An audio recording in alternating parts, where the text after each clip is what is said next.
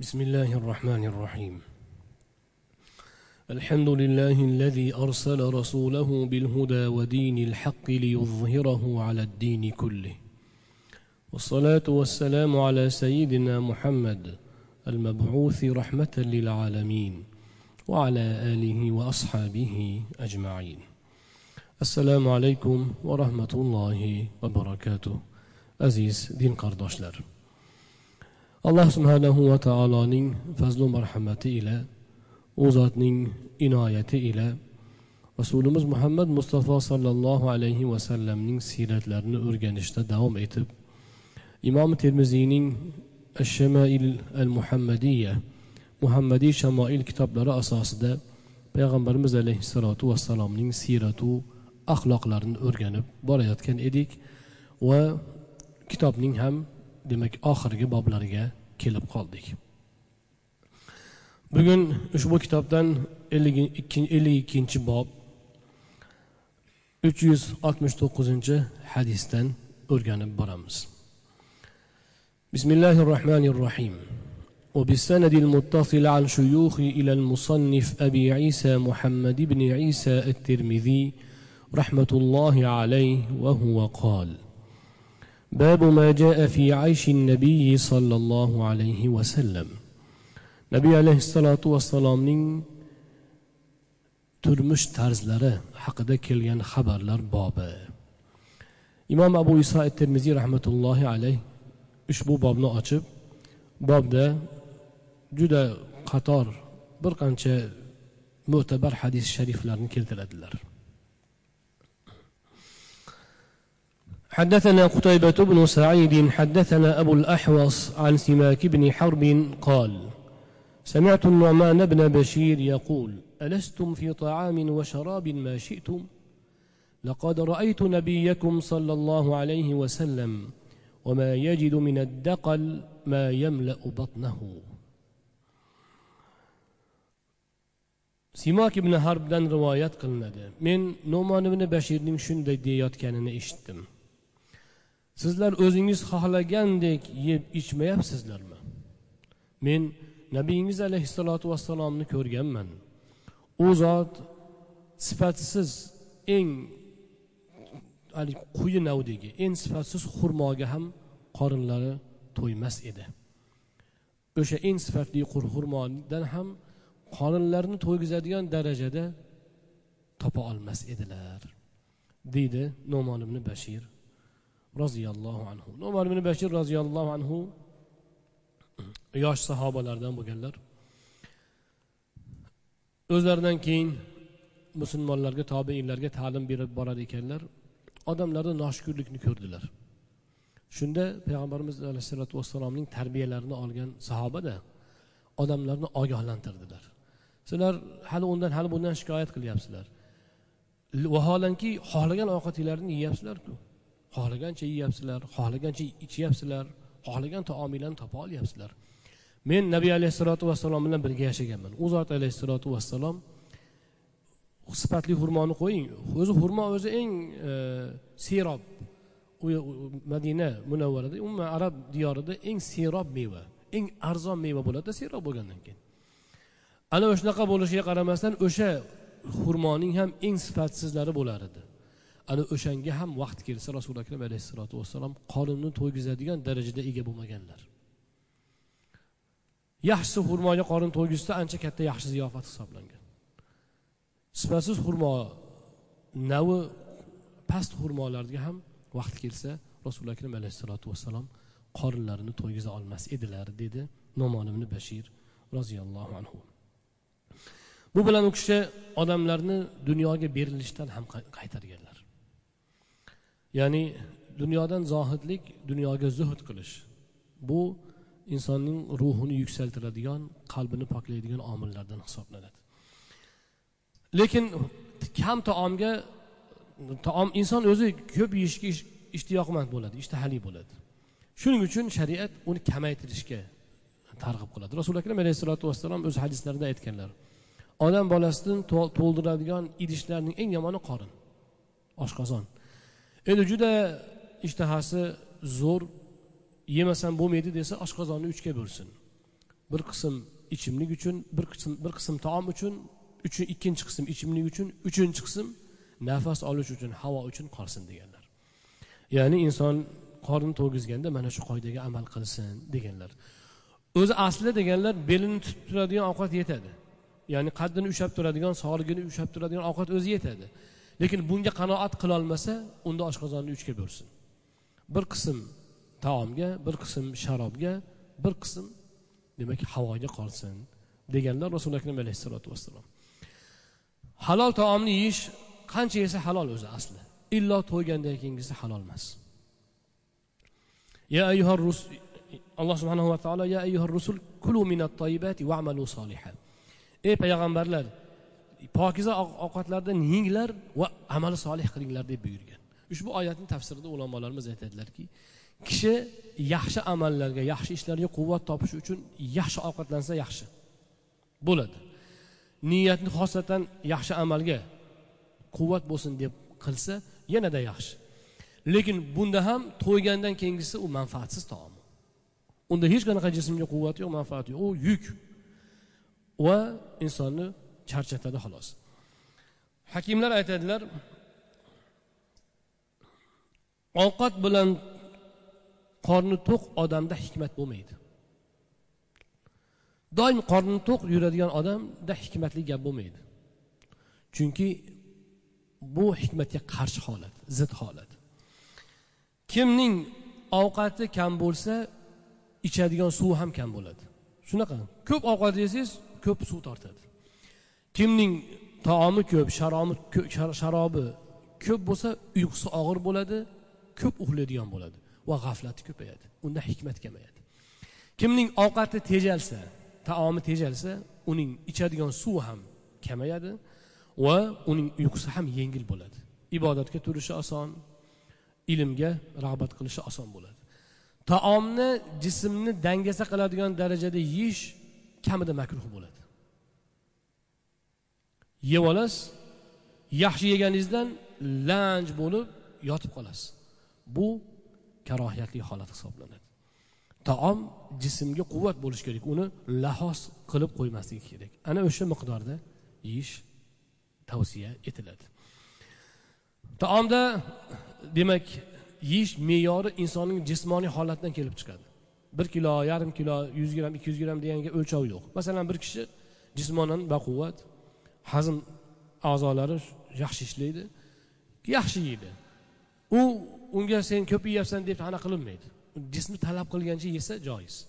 Lekin jismni talabidan ortiq yeyishga qorin qo'yib haligi semirib yeyishga o'tish bu demak e, islom ta'limotida yaxshi holat sanalmaydi. Shuning uchun rasuli akram alayhissalotu vassalom qorni chiqqaninglar sizlarni yomonlaringlar deganlar.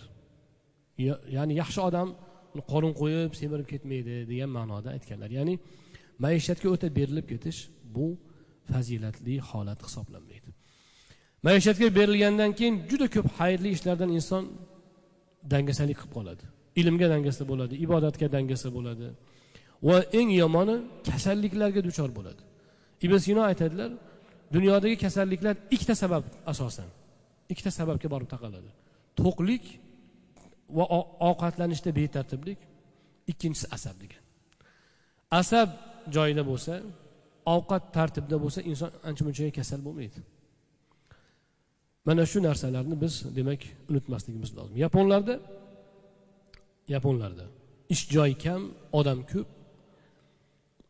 Bir kunda o'n ikki soat o'n to'rt soatlab ishlashar ekan. Lekin shunga ham yettita odam qarab turadi. Kasal bo'lishga haqqing yo'q derkan. Ya'ni ishlasang bir haftadan ortiq kasal bo'lishga haqqi yo'q. Nega desa kasal bo'ldingmi o'zingni beparvoligingdan bo'lasan. Yeb ichishingni tartib buzilgan yoinki boshqa bir tomondan sovuqqa boshqaga beparvo bo'lgansan. Bunga haqqing yo'q. Sen ishga kirdingmi ishlayotgan ishchi bilan shartnoma tuzarkan tuzayotganda aytarkan kasal bo'lishga haqqing yo'q. Ana shu darajada sog'likka e'tibor berishar ekan aslida bu tutum musulmonlarning tutumi. Rasuli akram alayhissalotu vassalomning sunnatlariga amal qilinsa o'zi juda ko'p kasalning oldi olinadi. Undan keyin ham ma'lum sabablar bilan kasal bo'lsa demak unda vaqtida davolanish talab qilinadi. Bizning hozirgi kundagi dunyodagi umuman biz nafaqat biz butun dunyodagi eng katta kasalliklardan biri nima? Semizlik. Semizlik. Odamlar hozir bizda maxsus bir kurslarga borib o'qib o'rganib ozish bo'yicha demak shug'ullanishga doktorga qatnashishga ma'lum dorilarni ichishga ichishga majbur bo'lyapti. Aslida sunnatga muvofiq yashalsa o'zi kasallik bo'lmasa sog'lom odam unaqa semirmaydi. Kasallik boshqa narsa. Gohida bir kasallik modda almashinuvi buzilgan odam semirib ketadi. Bu boshqa masala. Lekin sog'lom insonning semirishi qorin qo'yib. Bu demak ovqatlanish nizomi buzilgandan bo'ladi. Bu esa bu esa payg'ambarimiz alayhissalotu vassalomning siyratlariga zid holat hisoblanadi. Bir kuni imom tabaroniy imom ahmadlar rivoyat qiladi. Anas e, anas ibn molik aytadilar. Fotima roziyallohu anhu bir kuni bir burda bir ozgina kesim non olib kelibdi payg'ambarimiz alayhissalotu vassalomga. Rasuli akram alayhissalotu vassalom bu nima olib kelding? debdilar qizlari fotimaga. Fotima onamiz aytdilarki yo rasululloh bir kulcha. Bir kulcha yopuvdim kulcha pishiruvdim shuni olib keldim. Siz shuni yeb bir bahra olsangiz dedim debdilar fotima. Shunda rasuli akram alayhissalotu vassalom aytibdilarki qizim otang uch kundirki tustatmavdi degan ekanlar. Uch kundirki tustatmuvdi yaxshi qilibsan degan ekanlar. Payg'ambarimiz alayhissalotu vassalom och bo'lsalar ham o'ta qanoatli bo'lganlaridan izhor qilmar ekanlar. Berib berib o'zlarida qolmay qolib qolgan o'zlarida qolmay qoldi. Endi shuni izhor qilmasdan sabr qilib ketarkanlar. Bu juda og'ir narsa. Biz qornimiz och qolsa uyga kelsak yarim soat uy haligi ovqat kechikib qolsa haligi bu narsani otib sindirib tashlaymiz. Nega ovqat kechikadi deb. To'g'rimi? Ochlikka chidamasdan. Ayollarimiz ham maqollar topib olgan. Maqollar haligi qoidalar ishlab chiqarib qo'yishgan. Ering yaxshi ko'rsin desang tomog'ini yaxshi hurmat qil deb shu holatga kelganmiz. Aslida ovqatga bu darajada bog'lanib qolish bu insonning karomatiga to'g'ri holat emas. Rasuli akram alayhissalotu vassalomni siyratlarida oysha roziyallohu anhu aytadilar. Rasuli akram alayhissalotu vassalom ahllari huzuriga kelsalar taom bormi? dedilar. Lekin manaqa taom bo'lsin anaqa ovqat bo'lsin deb talab qilmasdilar. Taom bormi? Yeydigan narsa bormi? Ha bor.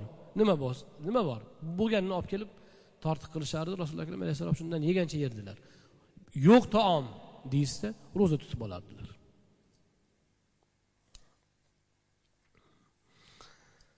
نوبتك حديث حدثنا عبده حدثنا عبده ابن عروة عن أبيه عن عائشة قالت كنا آل محمد نمكث شهرا ما نستوقد ما نستوقد بنار in huwa illa tamru val ma oysha roziyallohu anhu aytadilar muhammad alayhissalotu vassalomning oilalari oli muhammad biz oy bir oy o'tib ketardiki qozonga o't yoqmas edik.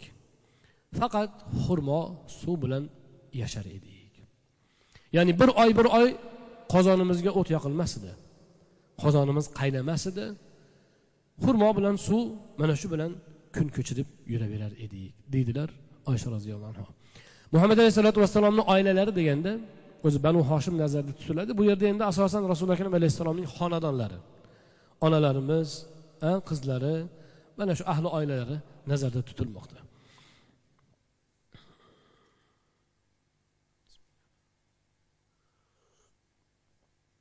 Payg'ambarimiz alayhissalotu vassalomning zohidliklari shunday ediki o'zlari ham zohid edilar. Ahllarini ham zuhdga tarbiya qilgan ekanlar qanoatga. Ahllari ham zuhdga qanoatga demak chiniqqan edi. Shuning uchun oysha roziyallohu anhu faqat rasuli akram alayhissalotu vassalomning o'zlarini vasf qilmayapti bu yerda. Rasulullohni o'zlarini vasf qilgan hadislar o'tdi endi bu yerda oilani qo'shyaptilar. Xonadon rasuli akram alayhissalomni xonadonlari o'zi shunaqa edi. Bu yana ham yuksak martaba hisoblanadi. Inson o'zingiz ushlaysiz taqvoni zohidlik qilarsiz. Lekin ahlni bunga chiniqtirish u yana qo'shimcha mehnat hisoblanadi. O'zingiz namoz o'qiysiz ibodat qilasiz lekin ahlingizni ham ana o'shanda namoz ro'zaga ibodatga demak ko'niktirish bu undan qiyin holat hisoblanadi. Nabiy alayhissalotu vassalomning tarbiyalari oilalarida mana shunaqa yuksak edi. Butun oilalari onalarimizning siyratlarini o'qinglarda hammalari mana shunaqa zohida namoz ser namoz ser ro'za odamlar bo'lgan. Hammalari turli oiladan har xil oiladan har xil yoshda rasuli akram alayhissalomga turmushga chiqqan bo'lsa natija bir xil. Hammasi ser namoz ser sadaqa ser ro'za zohida ayollar bo'lgan. Bu nabiy alayhissalotu vassalomning buyukliklaridan bo'lgan. Payg'ambarimiz alayhissalotu vassalomning oilalari ko'p bo'lishi va hamma ahli oilalari bilan erkaklik jihatdan layoqatli munosabatda bo'lishlari u shahvatparastlik bo'lmaydi. Bu quvvat. Quvvat boshqa narsa. Shahvatparastlik boshqa narsa. Gohida inson erkak kishi jinsiy zaif bo'lishi mumkin lekin shahvatparast bo'ladi. Ishqiboz bo'ladi. Lekin gohida inson baquvvat bo'ladi lekin u shahvatparast bo'lmaydi. Nabiy alayhissalotu vassalomning quvvatlari yuksak edi oilalari ko'p edi. Nima uchun? Tarbiya uchun edi. Lekin oilalarning ko'pligi shahvatparast odamlar o'ylagandek u shahvat e, jihatidan emasdi. Mana bu haqiqatni biz oilalarning zohidaligida ko'ramiz. Hammalari sernamoz ser ro'zaligida ko'ramiz. Va qanoatdaligida ko'ramiz. Mana oysha roziyallohu anhu nafaqat o'zlarini xonadonlari balki rasuli akram alayhissalomning hamma xonadonlari oylab qozoniga o't yoqmasdan kun kechirar edi. Xurmo bilan suv ularning asosiy taomi bo'lar edi demoqdalar حدثنا عبد الله بن أبي زياد حدثنا سيار حدثنا سهل بن أسلم.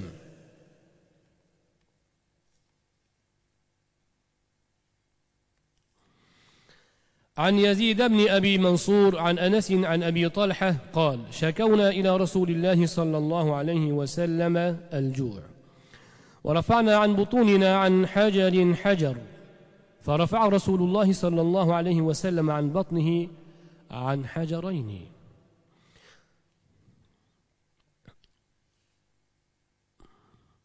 أنس بن مالك أبو طلحة رواية قلاد رضي الله عنهم.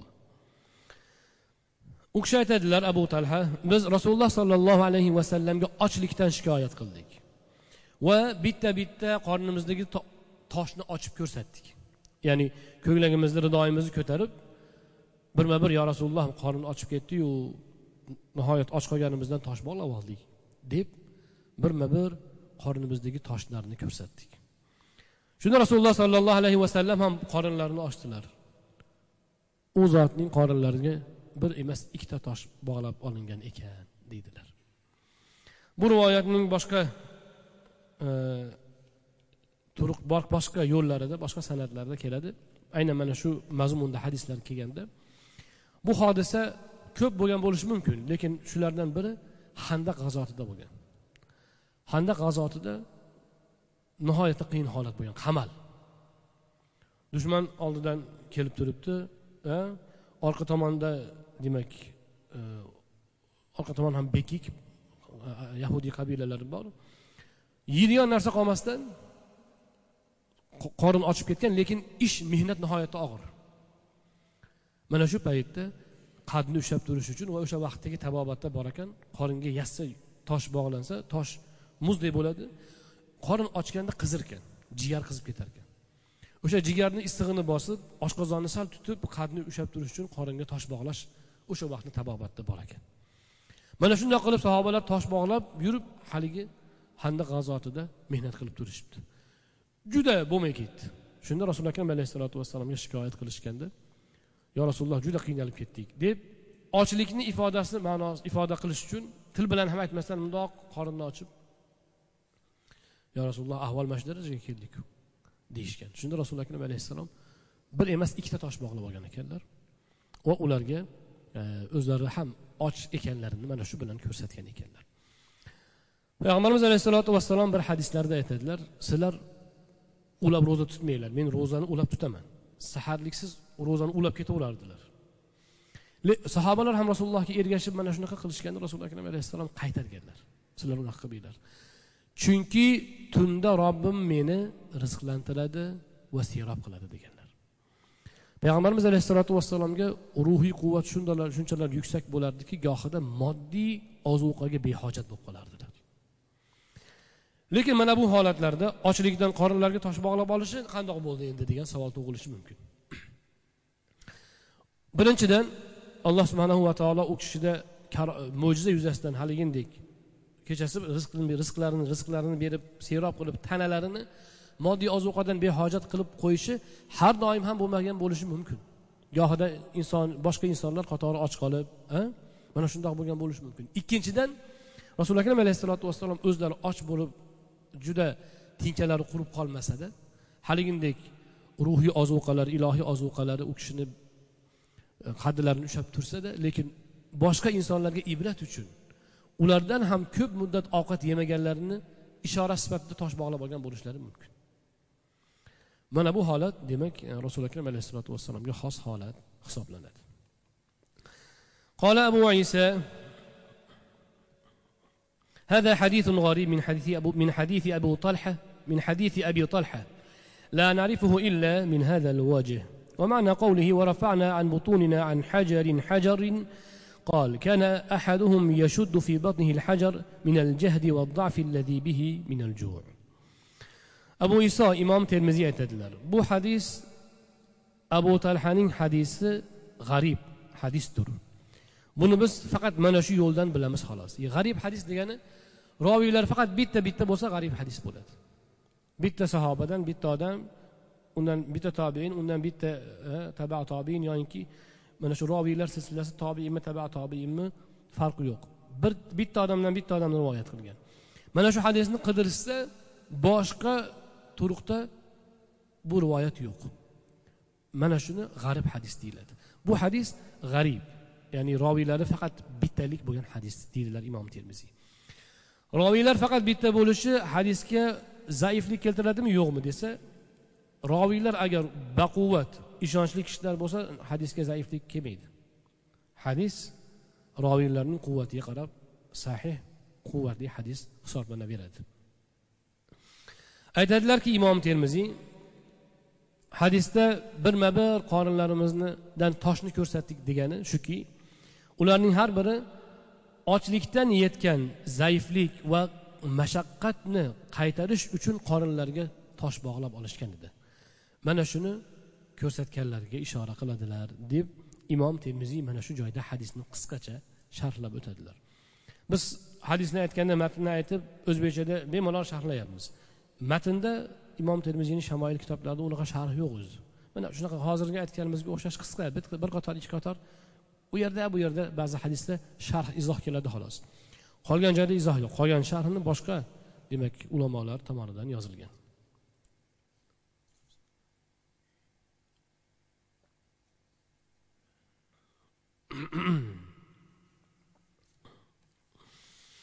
حدثنا محمد بن إسماعيل حدثنا آدم بن أبي إياس حدثنا شيبان أبو معاوية حدثنا عبد الملك بن عمير عن أبي سلمة بن عبد الرحمن عن أبي هريرة رضي الله عنهم قال خرج رسول الله صلى الله عليه وسلم في ساعة لا يخرج فيها ولا يلقاه فيها أحد فأتاه أبو بكر فقال ما جاء بك يا أبا بكر؟ قال خرجت ألقى رسول الله صلى الله عليه وسلم وأنظر في وجهه والتسليم عليه. فلم يلبث أن جاء عمر فقال ما جاء بك يا عمر؟ قال الجوع يا رسول الله. قال صلى الله عليه وسلم وأنا قد وجدت بعض ذلك وأنا قد وجدت بعض ذلك. فانطلقوا إلى منزل أبي الهيثم ابن التيهان الأنصاري وكان رجلا كثير النخل والشاء ولم يكن له خادم فلم يجدوه. فقالوا لامرأته أين صاحبك? فقالت انطلق يستعذب لنا الماء. فلم يلبثوا أن جاء أبو الهيثم بقربة يزعبها فوضعها. ثم جاء يلت ثم جاء يلتزم النبي صلى الله عليه وسلم ويفديه بأبيه وأمه. ثم انطلق بهم إلى حديقته فبسط لهم بساطا. ثم انطلق إلى نخلة فجاء بقنو فوضعه. فقال النبي صلى الله عليه وسلم أفلا تنقيت لنا من رطبه؟ فقال يا رسول الله إني أردت أن تختاروا أو تخيروا من رطبه وبسره. فأكلوا وشربوا من ذلك الماء.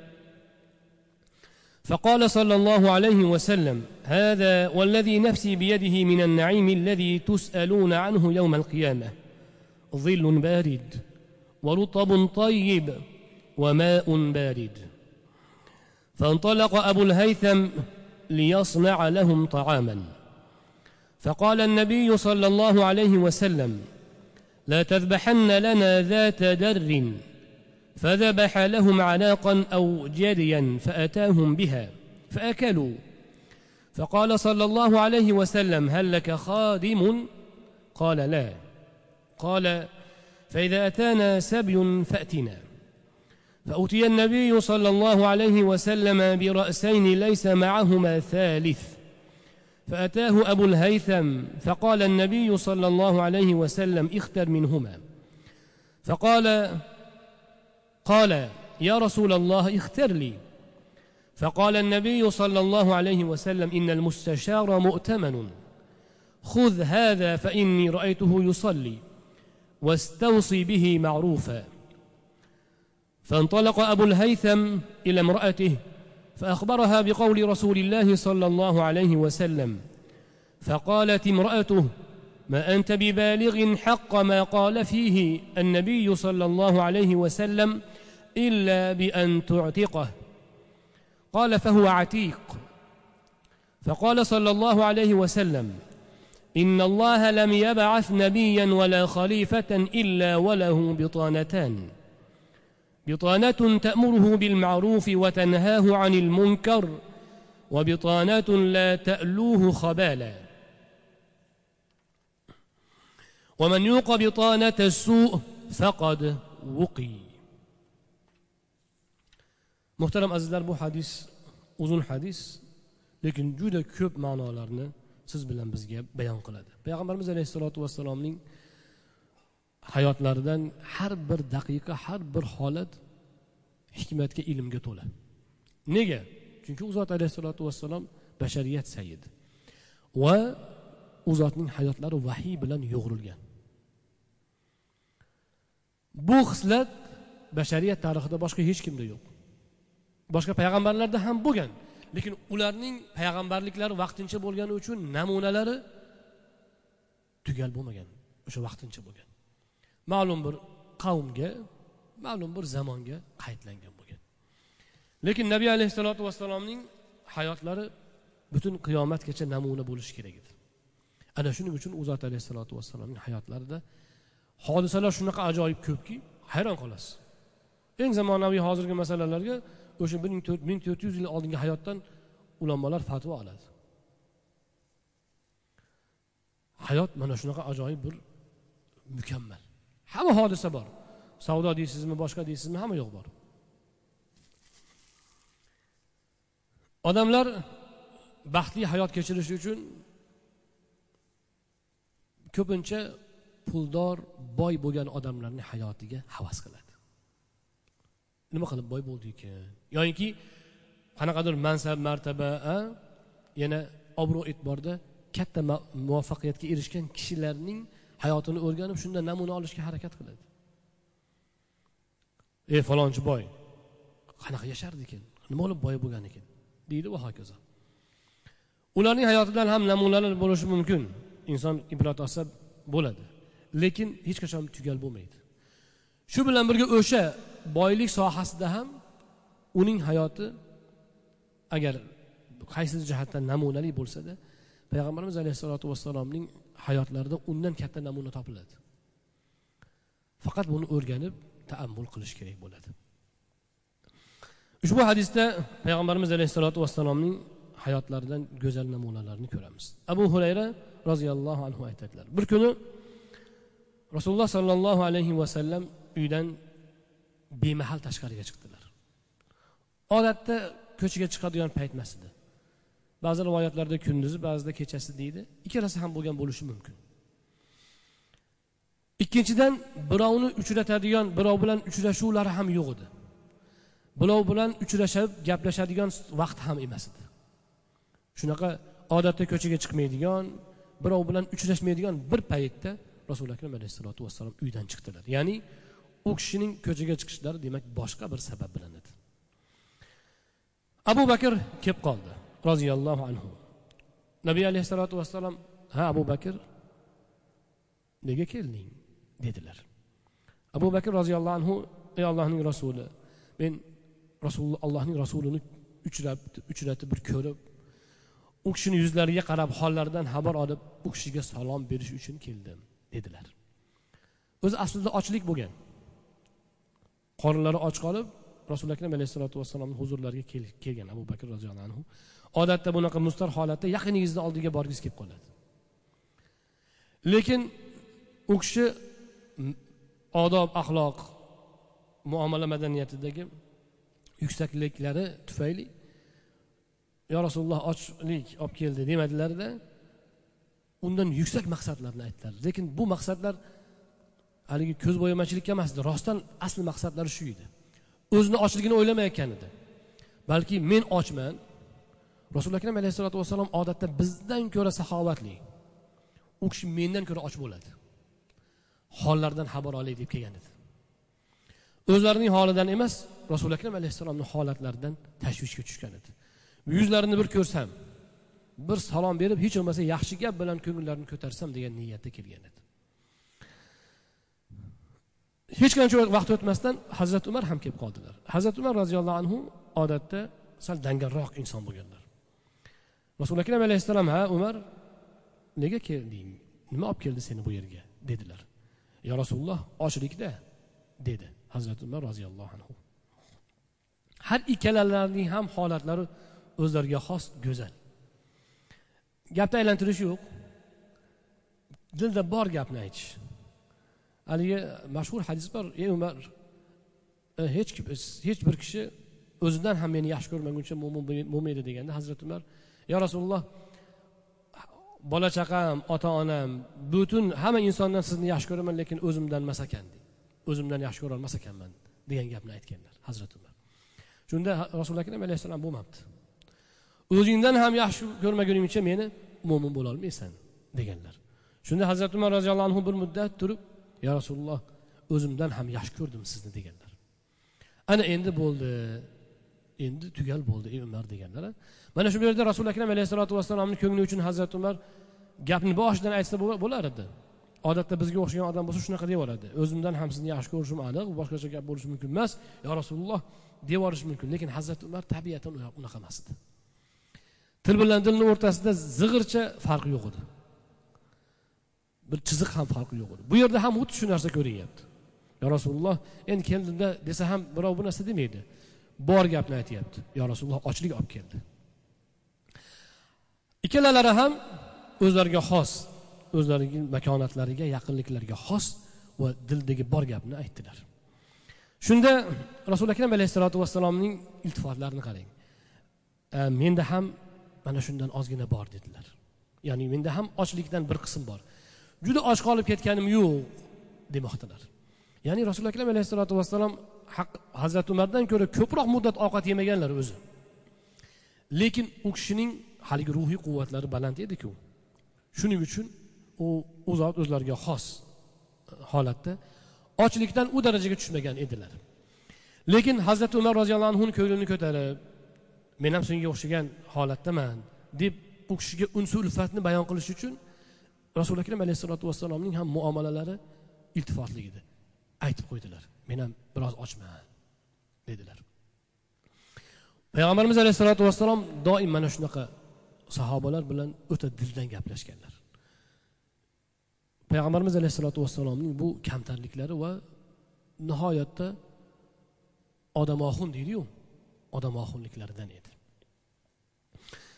Xullas uchalalari haysam ibn tayyihon al ansoriyning uylari tomon yo'lga chiqishdi. Haysam roziyallohu anhu o'zi ansoriylardan emas lekin ansoriylarning bilan ittifoqdosh bo'lgani uchun u kishiga ansoriy nisbati berilgan edi.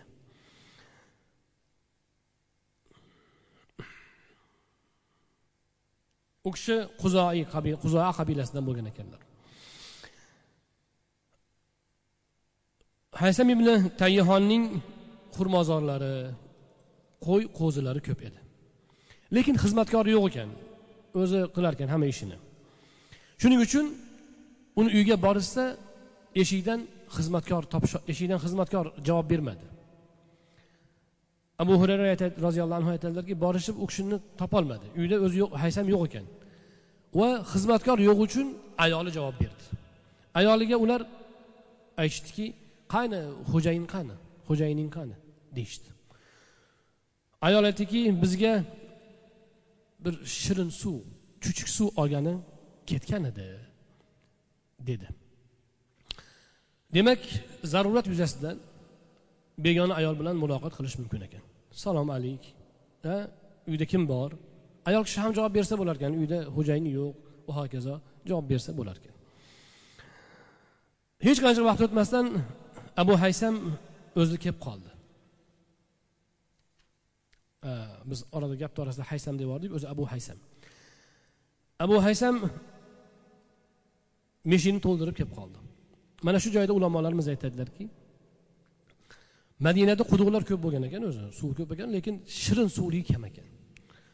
Abu haysam e, roziyallohu anhu o'sha eng shirin suvdan ahliga ilinib o'shani olib kelay deb o'shanga ketgan ekan. Shundan ulamolar aytadilarki demak yaxshi sifatli taom uchun masofa bosib bosib harakat qilsa bo'larkan. Yaxshi suv ichish uchun sifatli taom olib yeyish uchun demak yurib borib harakat qilsa bo'larkan. Bu maishatparastlikka kirmas ekan. Sifatli taom. Lekin haligi haligindek o'zi sifatli taom bor toza taom yegulik bor. Yana palondaqa degan taom deb qidirib ketish endi u maishatparastlikka tortadi. Lekin odatda uyingizda yo'q. Taom uyingizda aytaylik sho'r suv. Toza suv uchun borsangiz uyingizda non bor lekin po'panay bosib ketgan yaxshiroq non olib uchun yeyish uchun borsangiz bu demak shar'an nojoiz sanalmas ekan. Meshni olib kelib qo'ydi. Keyin nabiy alayhissalotu vassalomga otilib u zot alayhissalotu vassalomni quchoqlab u zot alayhissalomga ota onam sizga fido bo'lsin yo rasululloh deb iltifot ko'rsata boshladi. Payg'ambarimiz alayhissalotu vassalomning tashriflaridan o'ta suyunib ketgan edi. Bu joyda sahobalarning mehmondo'stligi ham bor. Och qolib kelgan uch kishi nabiy alayhissalotu vassalom hazrati abu bakr hazrati umar kelib turibdi. Endi e, ularni uyiga kimni uyiga kelsa kim xursand bo'lmaydi? Ularni makonatini musulmonlar juda yaxshi bilgan xususan rasuli akram alayhissalomning tashriflariga hammalari birdek zor edi. Doim ya'ni unga doim mushtoq edi. Rasuli akram alayhissalotu vassalom ularning bu ishtiyoqlarini doim qondirib yurganlar. Abu haysam roziyallohu anhu ham bu yerda mehmondo'stlikni ham ko'rsatganlar. Yo rasululloh xush kelibsiz? deb qo'ysa ham bo'ladi. Yo'q. Borganda masalan rasuli akram alayhissalomning huzurlariga borganda qilmaydigan iltifotni mehmon bo'lib kelganlarda qilyaptilar. Mana bu mehmondo'stlikning bitta belgisi hisoblanadi. Siz birovni uyiga borsangiz yaxshimisiz tuzdingmisiz e, charchamasdan deb so'rashyapsiz. Uyingizga kelsa ey kesinlar kelsinlar deyapsiz. Bu sahobalarning muomalasiga mutanosib ish ekan. Tashrif buyurib kelgan odam biroz hijolatpozroq bo'lishi mumkin. Bezovta qilmadimmikin va hokazo degan istihola bo'lishi mumkin.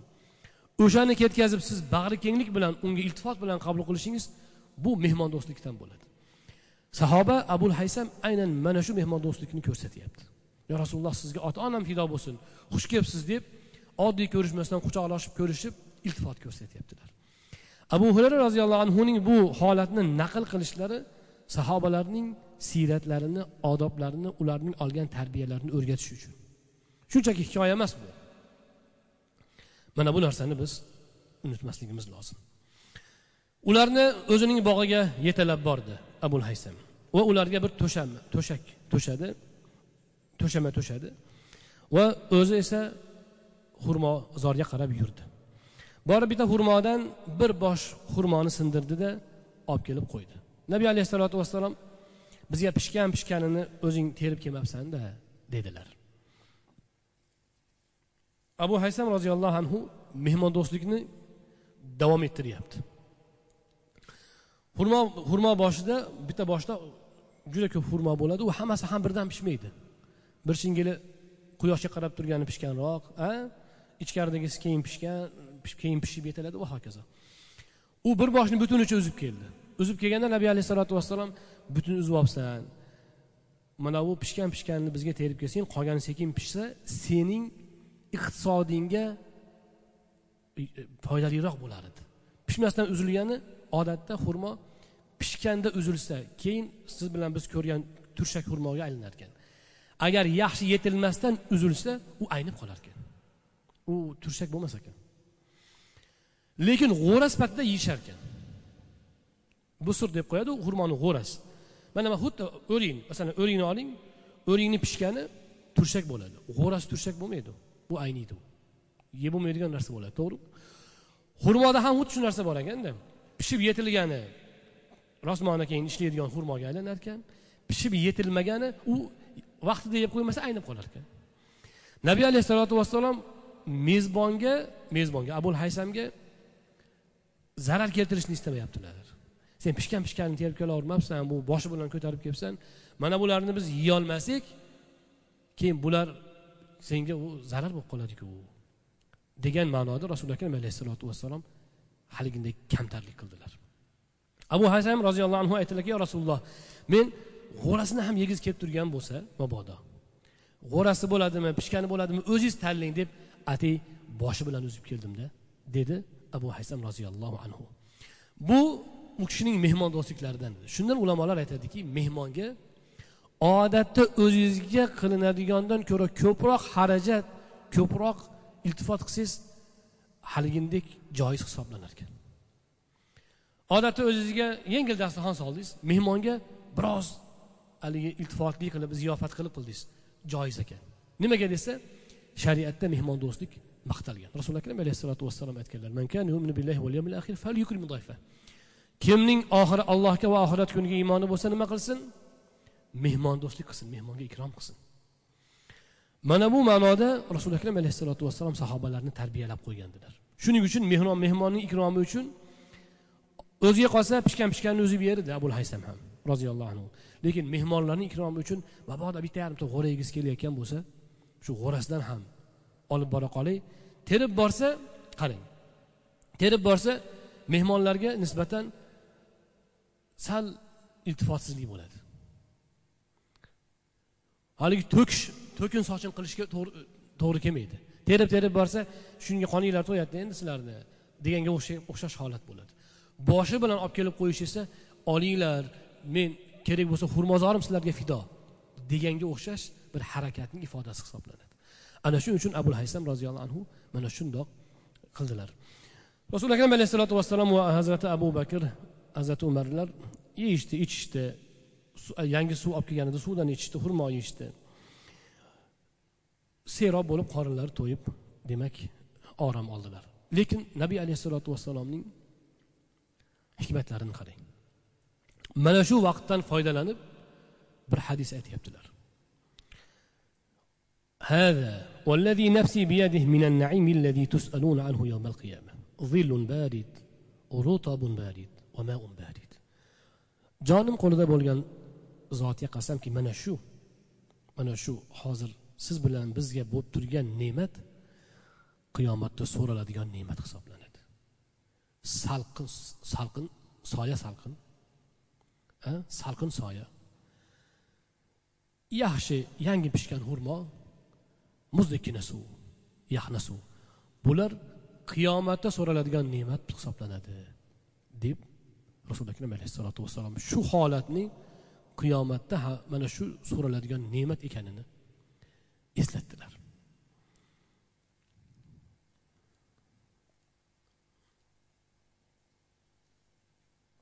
Payg'ambarimiz alayhissalotu vassalomning hakimliklarini qarang.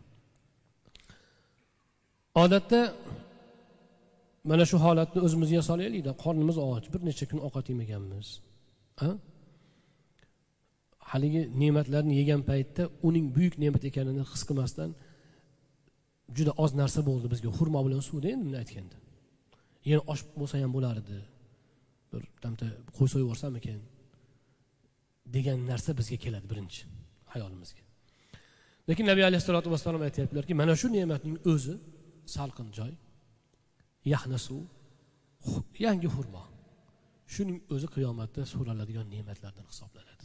Hali bundan sizlar qiyomatda so'roqqa tutilasizlar deb mana buni eslatdilar. Nabi abu abu haysam roziyallohu anhu turib taom tayyorlashga qo'zg'aldi. Nabiy alayhissalotu vassalom aytdilarki yana iltifotni qarang. Sut berayotgan qo'y so'yib yurma. Sut berayotgan qo'y echkidan so'yma. Bizga so'ysang sut bermayotganini so'y. Ya'ni u chorvasi bor edida chorvaga qarab yurganini nabiy alayhissalotu vassalom darhol sezdilarda e, sut beradiganini so'yib qo'yma. Nega? Chunki sut beradiganini so'yib qo'ysa sut daromadku. Shu senga e, demak zarar bo'lmasin alohida eslatib qo'ydilar. Abu haysam ularga bir urg'ochi anaq deb qo'yadi urg'ochi uloq uloqcha echkini bolasi. Anaq urg'ochisi bo'lar ekan to'rt oyga yetib yetmagan to'rt oy to'rt oyga to'lgan to'rt oylik uloqchani anaq derkan.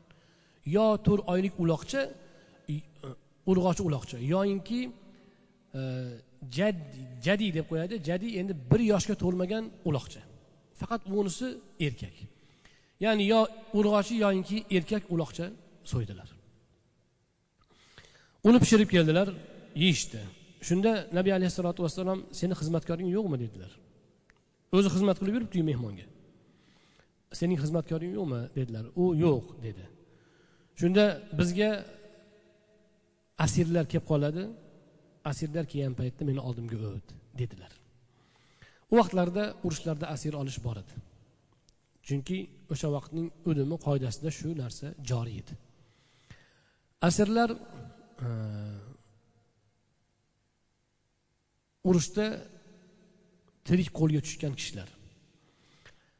Islom shariatida asir olish joiz hisoblangan. Chunki muomalati misl.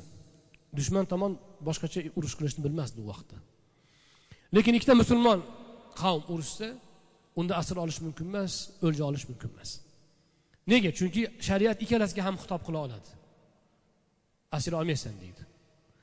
Lekin g'ayri dinga shariat xitob qilolmaydi u qur'onni islomni tan olmaydi u. Unga nima qiladi? Unga asir olma degan bilan u o'zi senga qarshi kurashib turibmizku biz nega asir olmas ekanmiz deydi aniq u. ya'ni islom ahkomlar ularga o'tmaydi. Ularga qanday muomala qilinadi? Ularga salomiga yarasha alik olinadi muomalasiga yarasha muomala qilinadi. Agar musulmonlar asir olishni qabul qilmasa unda musulmonlar o'lja bo'lib qoladi. Faqat chunki dushman tomon u vaqtlarda juda urushqoq bo'lgan arab qabilalari. O'zi o'lja bilan kun ko'radigan qaroqchi qabilalar bo'lgan. Keladi g'orat qiladi o'lja oladi asir oladi. Ish shu. Qachon qonni ochib qolsa yana bitta urush qiladi. Mana salib yurishi deysizmi bug'unlar bosqinlar deysizmi hammasi o'lja mol dunyo uchun qilingan urushlar hisoblanadi. Ana shunaqa odamlarga ana shunaqa toifalarga tayyor go'sht bo'lib qoladiku musulmonlar o'lja olmasa. Chunki biz boramiz urushamiz. Hamma tomonlama bizga yutuq. Ular o'lja olmaydi bizdan bizdan asr olmaydi. Ketdik. Hamma bostirib keladigan bo'lib qoladi. Shuning uchun islom o'sha vaqtning sharoitiga muvofiq. O'sha asr oladimi ular ham? Sizlar ham asr o'lja olinglar. Joiz deb hukm qilgan. Lekin bu joyda shariatni adolatini qarangki mana shu hukm majburiy hisoblanmagan. Shariatda asr olishing kerak o'lja olishing kerak degan qoida yo'q majburiyat yo'q. Bu amirning ixtiyoriga topshirilgan. Qo'mondon yoki amir podshoh dushman tomon bilan kelishib asir olish yo'q o'lja olish yo'q deb kelishsa tamom shariat shuni qabul qiladi.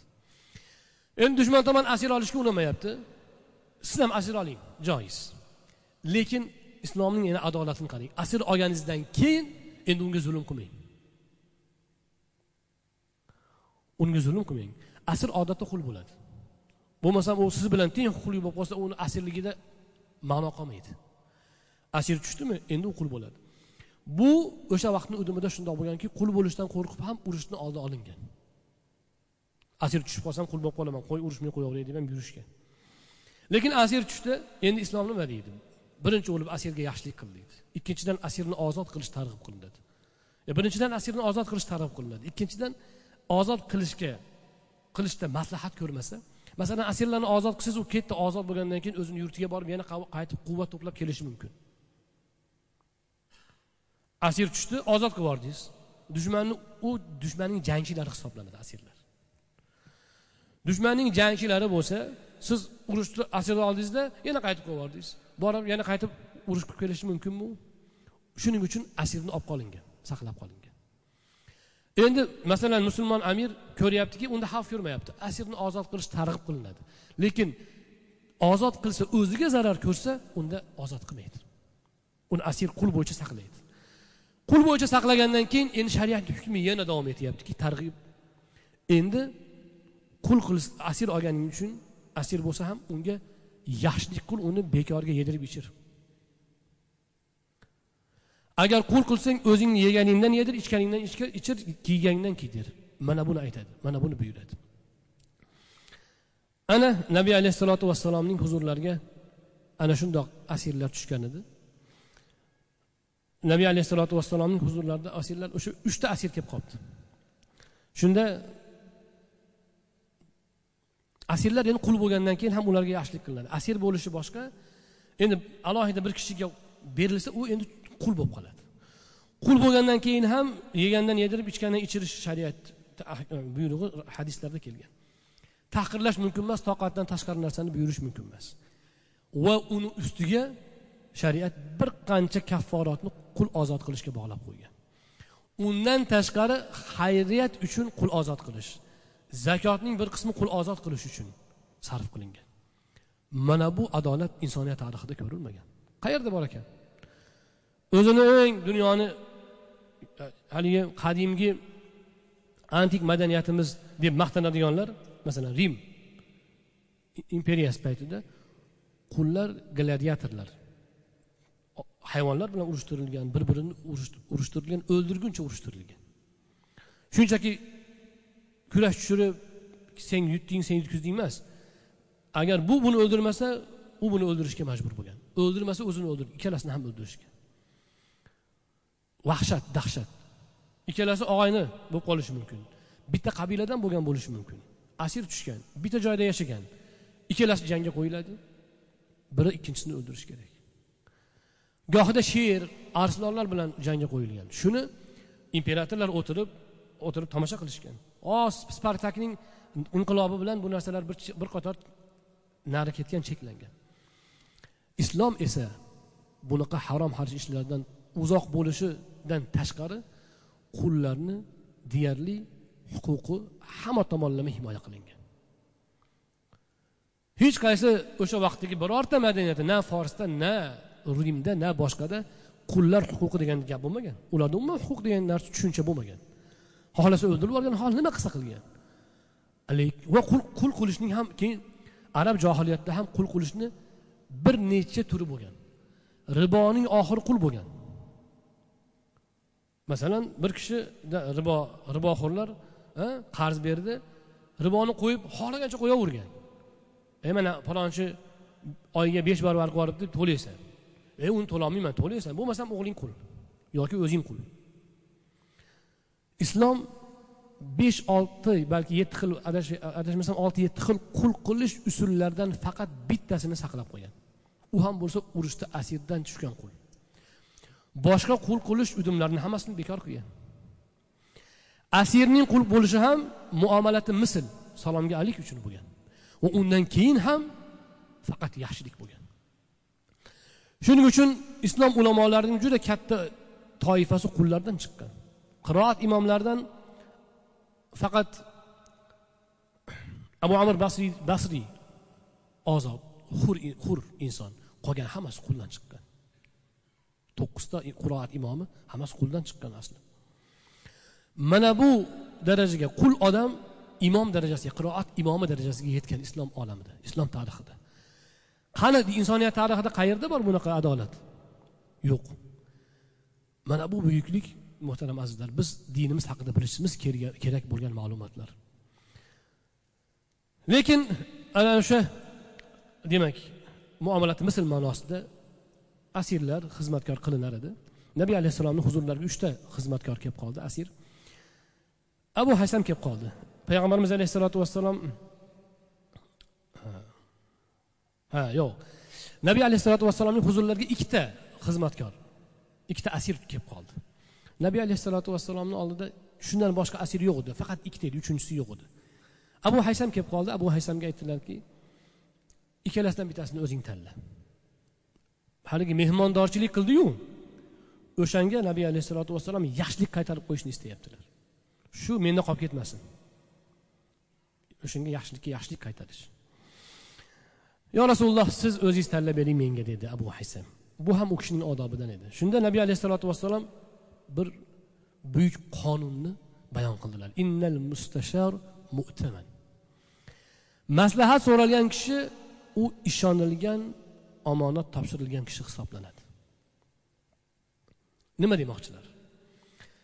Aytdilarki sen menga topshirding endi sen mendan maslahat so'rayapsan. Yaxshisini o'zingiz tanlab bering deyapsan endi menga sen go'yo omonat topshirding endi menga menga lozimki qalbimdagi bor gapni qilib bor bilimim bilan senga sen uchun yaxshisini tanlab berishim kerak. Bu menga omonat bo'ldi. Boshqa hadisda keladi kim maslahat so'ralganda to'g'ri maslahatni bermasa xiyonat qilgan bo'ladi deganlar. Bu hadisni imom e, e hazrat navoiy arbainda keltirganlar mana shu. Al mustashar mu'tamanun degan hadisni qirq hadisda keltirganlar. Nabiy alayhissalotu vassalom aytyaptilarki sen mendan maslahat so'rading. Endi menga lozim yaxshisini tanlab berish. Mana bu muhtaram azizlar siz bilan biz bilishimiz lozim bo'lgan qoida. Sizdan birov maslahat masalan rasuli akram alayhisalotu vassalomdan maslahat so'rayapti. Ikkita xizmatkori yaxshisini o'ziga olib qolib mundoqrog'ini berish kerak emasmidi o'zi? Siz bilan bizga o'xshagan odam bo'lsa o'zi men berayotganmanku o'zi. Jon desin bundog'ini bersam ham deymiz to'g'rimi? Lekin nabiy alayhissalotu vassalom tanlashni ixtiyor berganlaridan berganda u zotni o'ziga masalani o'zlariga qaytib ko'ndalang qilib tashlaganda his hisni sergaklikni qarang. Endi men omonat olgan odam bo'lib qoldim. Endi oldin sen bermasdan sen bu gapni aytmasdan turib bittasini bersam bo'laverardi lekin masalani menga topshirganingdan keyin hal qilishni.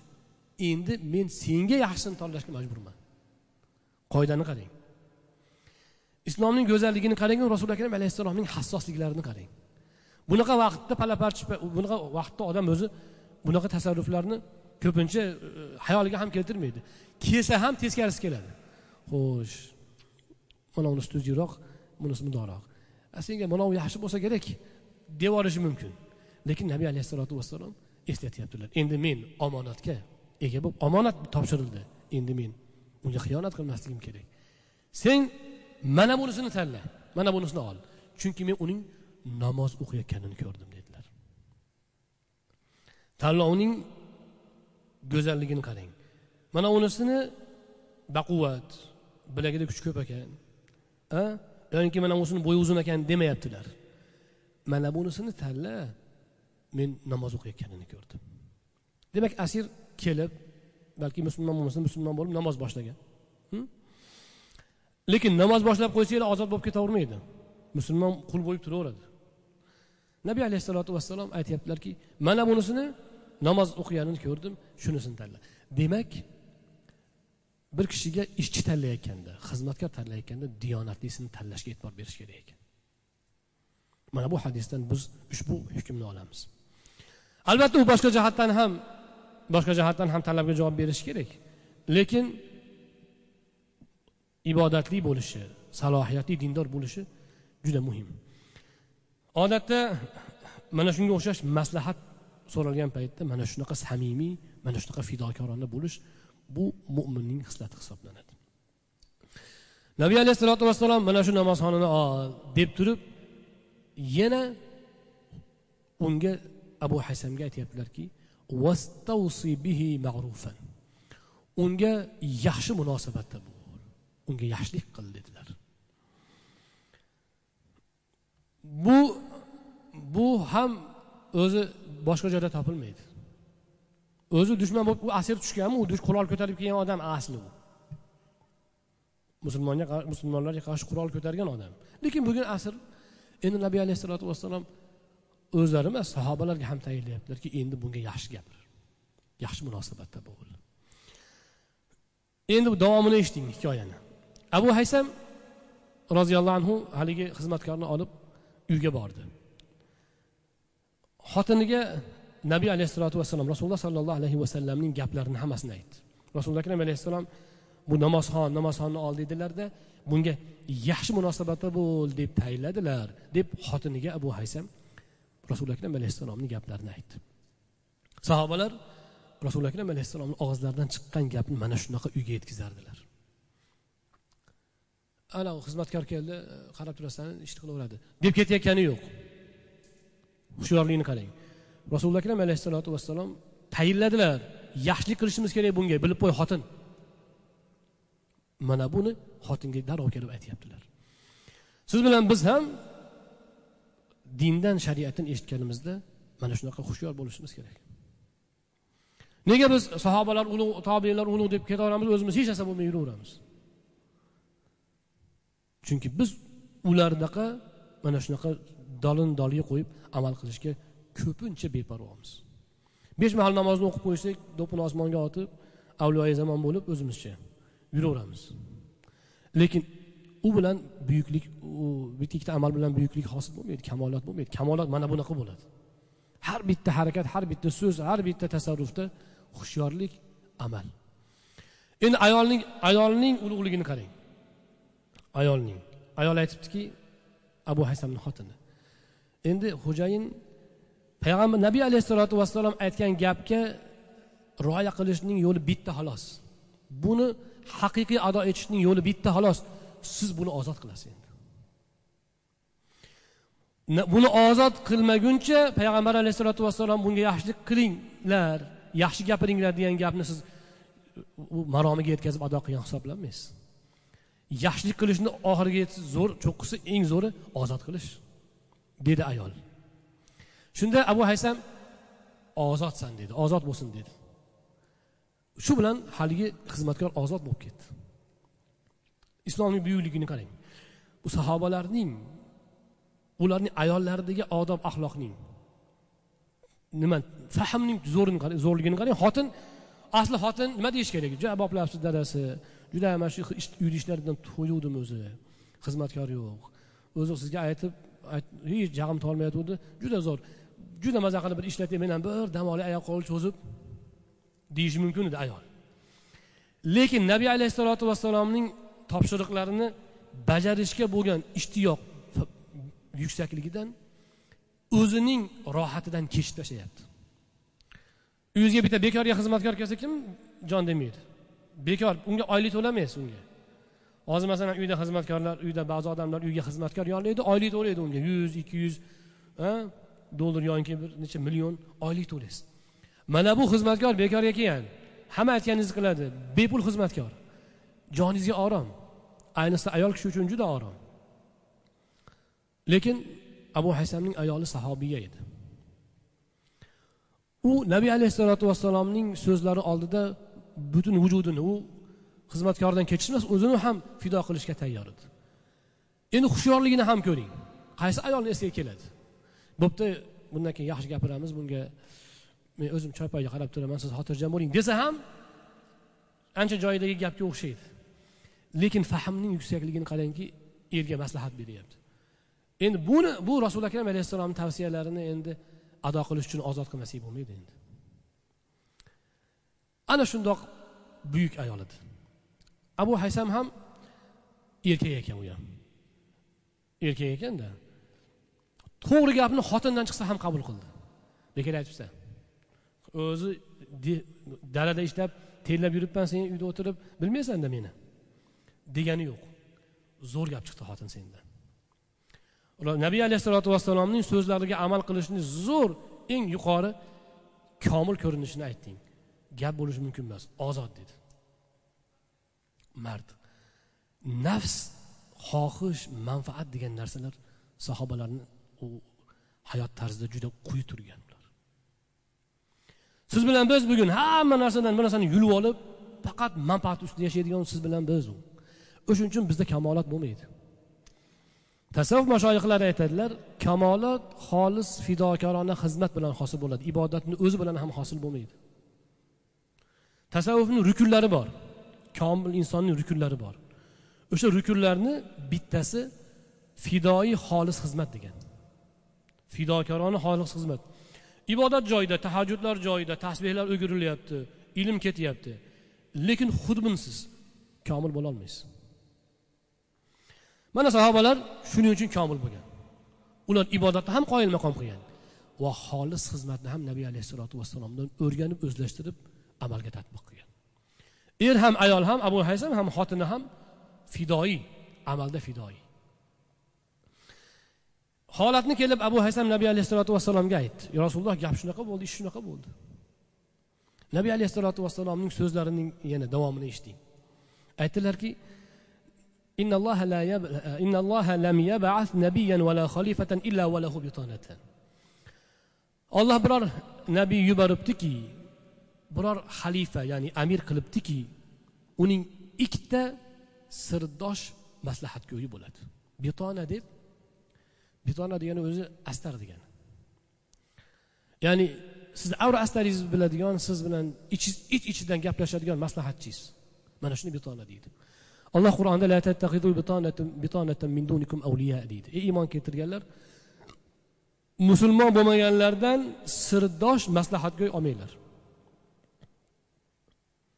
Chunki la yalunakum xobala ular sizlarga zarar keltirishni to'xtatmaydi. Sizlarni parokanda qilishdan to'xtamaydi. Ya'ni iymon e'tiqodli xolis sirdosh bo'lmasa sizga bu sizni doim zararingizga ishlaydi.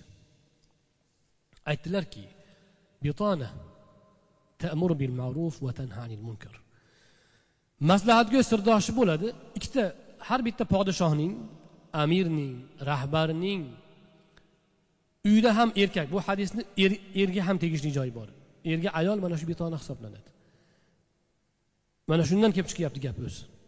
Erkak bo'ladimi rahbar bo'ladimi idorada? A idorada rahbarmi? Ishxonada rahbarmi? Mamlakatda shaharda hokimmi? Farqi yo'q. Hatto payg'ambarmi? Farqi yo'q. Unga ikki toifa maslahatgo'y sirdosh bo'ladi. Birinchi toifa ta'muru bil ma'ruf. Yaxshilikka buyuradi. Yaxshilik ezgu ishlarga chorlaydi. Yomon ishlardan qaytaradi. Ikkinchisi esa mana shu ishni qilmaydi. Yaxshilikka buyurib yomonlikdan qaytarish yo'q. Natija nima bo'ladi? U zarar keltirishdan charchamaydi. Hali u tomondan hali bu tomondan sizga zarar keltirishga sabab bo'laveradi. Endi aytdilarki kim ana o'shanaqa yomon sirdosh maslahatgo'yning yomonligidan ana o'shanaqa maslahatgo'ydan agar omonda bo'lsa xudo uni asrabdi. Haqiqiy asralgan odam o'sha odam bo'ladi dedilar nabiy alayhissalotu vassalom.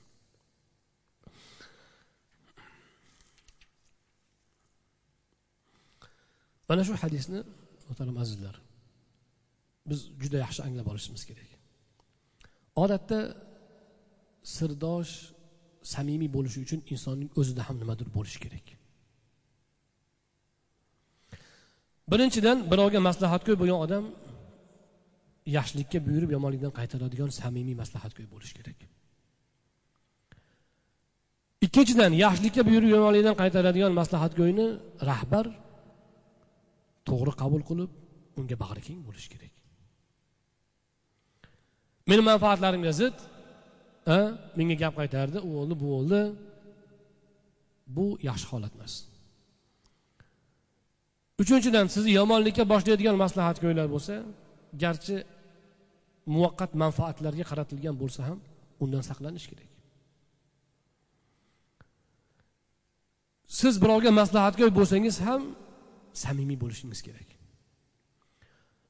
Nima bo'lsa ham shu ishim to'xtamasin. Nima bo'lsa ham a endi oylik oylikdan ajrab qolmaylik ishdan ayrilib qolmaylik yo to'g'ri gapni gapirib xo'jayinga. Noto'g'ri narsa. Qanaqasiga bo'lsa ham isloh qilsa bo'ladigan joyda isloh qilishga harakat qilish kerak. Endi undan ham o'tib tushib yomon bitonalar bo'ladi. Sirdoshlar maslahatgo'ylar bo'ladi. Rahbarga yomon rahbarning hayoli yaxshilik lekin maslahatga yomonlikka boshlaydi. Yaxshi ishni qilaman desa to'xtatadi. Yaxshi ishga buyursa yarim yorchisini qilib yarim yorchisini demak yo'qqa chiqaradi. Mana bu holatlar yomon maslahatgo'ylarda uchraydi. Mana bunday maslahatgo'ylar yomon maslahatchi hisoblanadi.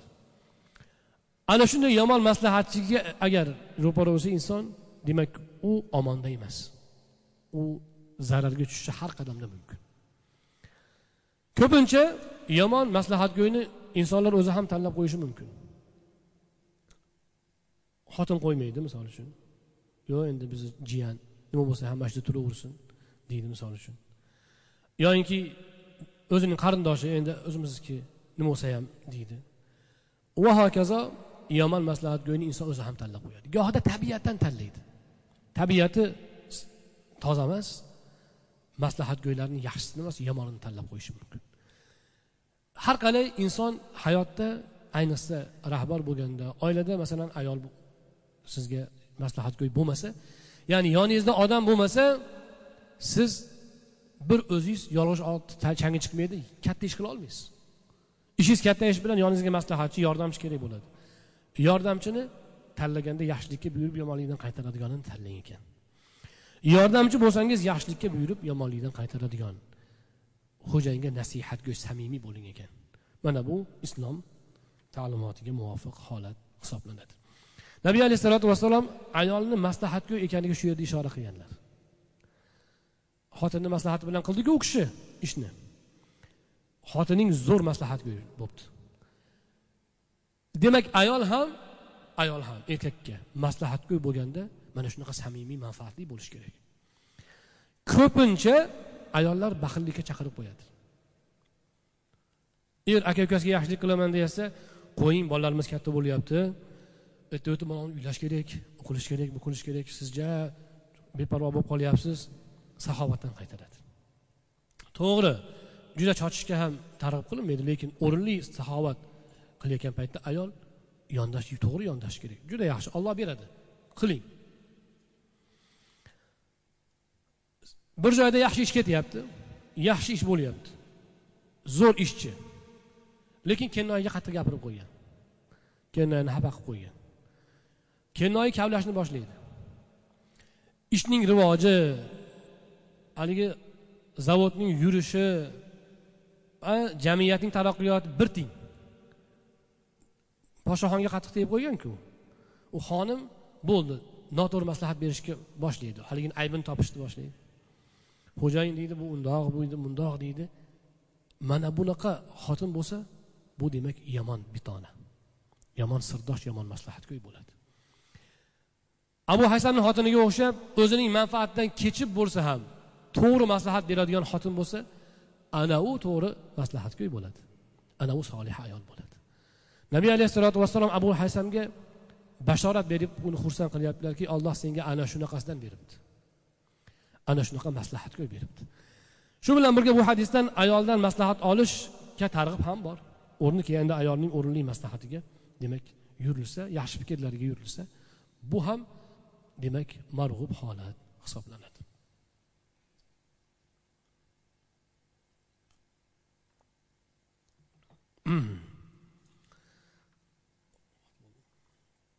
محترم ازلر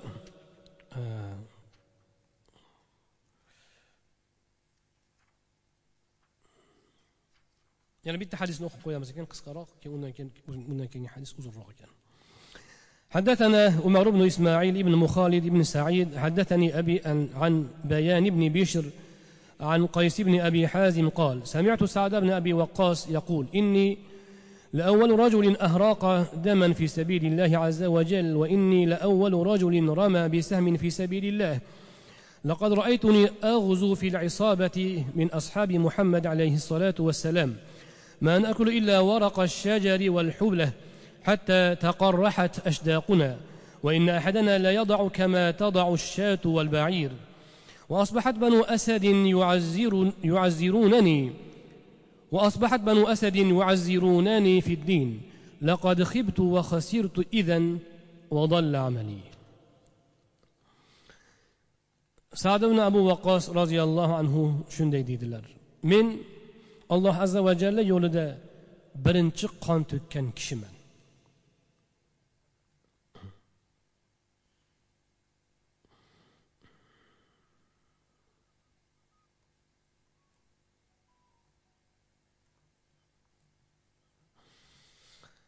Sad ibn abu vaqos roziyallohu anhu musulmon bo'lgani uchun mushriklar ularga makkada makkaning bir darasidan o'tib ketayotganda e, darasidan o'tayotib namoz o'qishayotganda mushriklar ularga hujum qilib sad ibn abu vaqqosga jarohat yetkazishgan. Va birinchi qoni to'kilgan kishi sad ibn abu vaqqos roziyallohu anhu bo'lgan ekanlar. O'shani aytyaptilar. Alloh yo'lida birinchi qoni to'kilgan odam menman. Men ana shu inson bo'lganman. Va ikkinchidan allohning yo'lida birinchi o'q otgan odam ham menman. Hijratdan keyin olti oy olti oy yetti oy o'tib adashmasam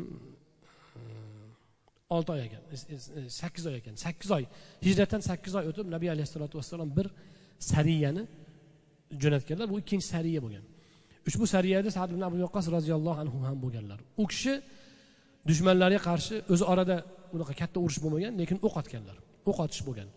O'shanda birinchi kamondan o'q uzgan musulmon sad ibn abu vaqqos roziyallohu anhu bo'lganlar sad ibn abu vaqqos roziyallohu anhu demak nabiy alayhissalotu vassalomning ashoblari bilan bir guruhi bilan sariyada ishtirok etdilar va tarixda birinchi o'q uzgan musulmon bo'ldilar. Ya'ni musulmon islom yo'lida birinchi o'q uzgan musulmon bo'ldilar. U kishi aytadilarki biz daraxtlarning bargini tikonli o'simliklarning achchiq achchiq mevalari bo'ladiku. O'shanaqa narsalarni yeb jonimizni saqlab yurgan holatlarimiz bo'lgan. Hatto mana bu labimizni ikki chekkasi nima deydi bu joyni? Lunj. Lunj mana bu joy. Ashdaq mana bu labning chekkalari. Lab tutashgan joylar borku. Mana shu joylarimiz oqarib qoladi. E, Bechilib qolsa endi shunaqa ubudiysiz bo'ladi. Lekin o'zi nima deyiladi shu yer? Nomi shujaning nomi. Mana shu ikkala labni tutashgan joyda xullas ashtaq. Ana o'sha joylarimiz xuddi tuyaning labini singari qavarib ketar edi qarang tikanli narsalarni haligi qattiq qattiq barg g'azonlar yeganimizdan labimizning chetlari mana shunaqa qavarib ketar edi va biz biz qazoyi hojat qilganimizda xuddi qo'y qo'y keyin e, qo'y echkilar kabi qo'y echki keyin e, qo'y echkilar kabi qumaloq e, tashlar edik qumaloq tashlar ya'ni ichimiz shunaqa kelar edi unaqa e, dadil narsa kelmas edi. Qotib ketar edi. Endi bugun bo'lsa deydilar abu asad banu asad. Bugun bo'lsa banu asad deydilar meni dinda ayblashib malomat qilishmoqda. Agar men ular aytgandaqa bo'lsam unda men noumid bo'libman va ziyon ko'ribman amallarim habada bo'libdi bekor ketibdi dedilar. Bu gapni nega aytganlar? Sad ibn abi vaqqos roziyallohu anhuni hazrati umar basraga voliy qilganlar. Va kufaga borib kufada namoz o'qib berishni sad ibn abi vaqqos roziyallohu anhuga yuklaganlar. Sad ibn abi vaqqos roziyallohu anhu borib kufada imomlik qilib odamlarga ta'lim beradilar. Basrada ham shu holat edi. Kufaliklar sad ibn abi vaqos roziyallohu anhu ustidan shikoyat qilib hazrati umarni huzurlariga shikoyat qilib borishgan. Nima deb shikoyat qilishgan desangiz bu bizga adolat qilmayapti. Va namozni yaxshi o'qimaydi deyishgan. Shunda hazrati umar roziyallohu anhu sad ibn abi vaqqos roziyallohu anhuni chaqirib sendan odamlar shikoyat qilyapti aytishlaricha namozni yaxshi o'qib bermas ekansan deganlar. Shunda sad ibn abi vaqqos aytganlarki ey umar men ularga rasululloh alayhissalomning namozini o'qib beryapman undan boshqacha namoz o'qib berayotganim yo'q. Adolatda esa qur'on va hadisga ko'ra amal qilyapman. Agar ular aytayotgan gap rost bo'lib men shunaqa qilsam ular aytayotgandaqa holatda bo'lsam unda men juda ziyon ko'rgan bo'laman. Shu vaqtgacha qilgan amallarim xabarda bo'lgan bo'ladi deganlar. Aslida bu ishni hamma qilmagan lekin abu sada usoma ibn qatoda degan bir fitnachi odam bor edi. O'sha odam mana shu fitnani sad ibn abi vaqosga qarshi uyushtirgan. U odamlar o'rtasida turib olib sad ibn abi vaqos roziyallohu anhuni malomat qilib u kishi haqida mana shunaqa bo'lmag'ur gaplarni tarqatgan. Va gap odamlarga yoyilib haligidek shikoyat hazrati umarga yetib borgan. Shunda hazrati umar aytganlarki biz seni shunaqa ekaningni bilardik deganlar sad ibn abi vaqosga va sad ibn abi vaqos shunda duoibat qilganlar. Parvardigor o'sha menga menga qarshi fitna qilayotgan kishi agar riyo uchun noxolislik bilan ya'ni ishtihodda xato qilib qo'yib emas g'araz bilan shu ishni qilayotgan bo'lsa umrini uzun qilgin. Kambag'al qilgin. Va fitnalarga duchor qilgin degan ekanlar. Haligi abu sada juda uzoq umr ko'rgan ekan va qashshoqlikdan devonaga aylanib qolgan ekan va o'ta ko'p fitnalarga duchor bo'lgan ekan.